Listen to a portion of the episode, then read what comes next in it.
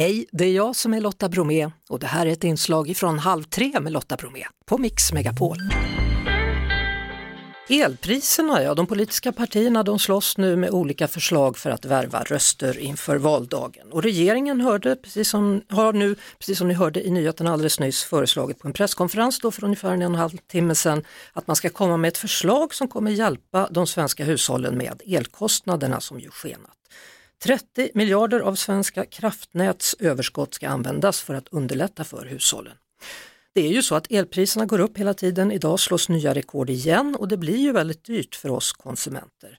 Att binda elpriset nu är extremt dyrt, för en lägenhet med normalförbrukning landar månadsräkningen runt 1000 kronor och en villaägare kan få betala uppemot 10 000 per månad och en del faktiskt mer än så. Sanna Westman Carling är analytiker på avdelningen för konsumenträtt vid Energimarknadsinspektionen. Välkommen till Halv tre. Tack så mycket. Ja du, vad tänker du när du hör alla politiska partier komma med olika förslag? Betyder det att vi konsumenter, vi är verkligen desperata i att få ner våra elkostnader? Läget är ju tufft för både konsumenter och näringsidkare, det, det, kan man ju inte sticka under stol med. Elpriserna har varit höga en längre tid, det här inleddes, inleddes ju redan förra hösten. Så att läget är ansträngt, eh, absolut.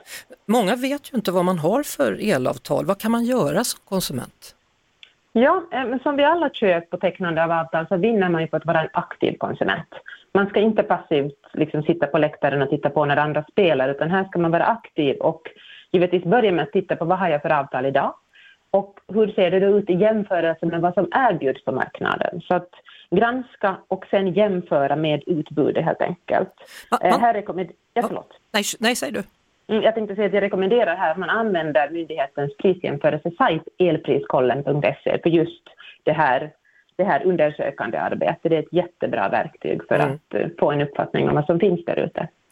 Man tänker ju som konsument att det kanske är svårt att byta elleverantör. Är det enkelt eller är det svårt? Själva bytet i sig är ju inte svårt. Det, det fixar man ganska lätt. Eh, svårigheten eller utmaningen är ju då att, att inte ha bråttom och inte kasta sig, liksom teckna ett nytt avtal utan att vara väldigt mycket på det klara med vad det är man binder sig till. Eh, man ska ju absolut inte spontant shoppa elavtal, det är en bra tumregel. Man ska gärna sova på saken och sen tänka igen och jämföra återigen. Jämför, jämför, jämför. Ska man ha fast eller ska man ha rörligt pris? Vad tycker du? Ja, det är ju den eviga frågan. Eh, gällande rörligt pris så finns det ju två typer och det är det här schablonmätt, alltså att man har ett kilowattpris för månaden som är oföränderligt, det är ett och samma hela månaden. Sen har du ju också det här timpriset som det har talats en hel del om nu. Eh, det finns för och nackdelar med båda. Eh, det schablonmässiga, det vill säga att du har ett, ett snittpris för månaden, det är ju som det är och det, det kan man inte påverka. Men har du ett timprisavtal innebär det att du debiteras ett, en, en, liksom ett visst öre för varje förbrukad timme. Och då förstår man ju att kan man förbruka mer när elen är väldigt, väldigt billig, säg på natten, då kan man ju påverka sina kostnader väldigt mycket.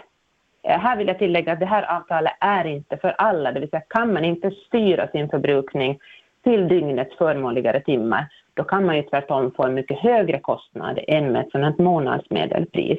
Så att här ska man noggrant gå igenom vad passar mm. bäst för mig i valet. Fastpris har ju sina fördelar, då vet du det här är vad jag betalar per kilowatt hela avtalsperioden, mm. vare sig det är ett, två eller tre eller år eller mer.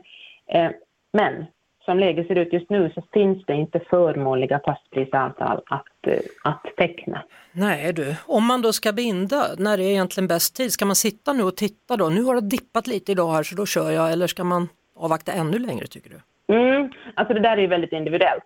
Tidigare, in, innan den här liksom situationen med det höga elpriset som vi är i nu, så var vårt råd att, att, att kanske vänta fram till sommarmånaden när priserna hade en tendens att dala eh, tecknar du ett elavtal i januari så kunde det förmodligen vara mycket högre än om du tecknar ett i midsommar. Mm. Nu har det här ju omkullkastats så det finns liksom ingen bra tid för, för att teckna ett avtal utan man måste tänka att ha koll på priset och sen bestämma men när är jag nöjd med det utbud som finns och då, då tecknar man. Jag skulle vilja höja ett litet liksom varningens finger för att teckna ett avtal med lång bindningstid mm. i dagsläget för vi vet inte hur marknaden ser ut.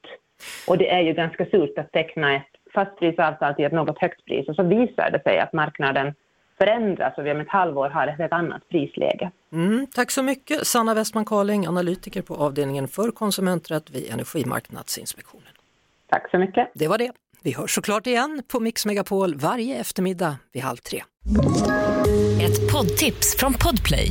I fallen jag aldrig glömmer djupdyker Hasse Aro i arbetet bakom några av Sveriges mest uppseendeväckande brottsutredningar.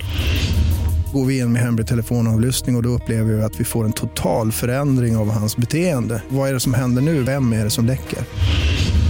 Och så säger han att jag är kriminell, jag har varit kriminell i hela mitt liv men att mörda ett barn, där går min gräns. Nya säsongen av Fallen jag aldrig glömmer på Podplay.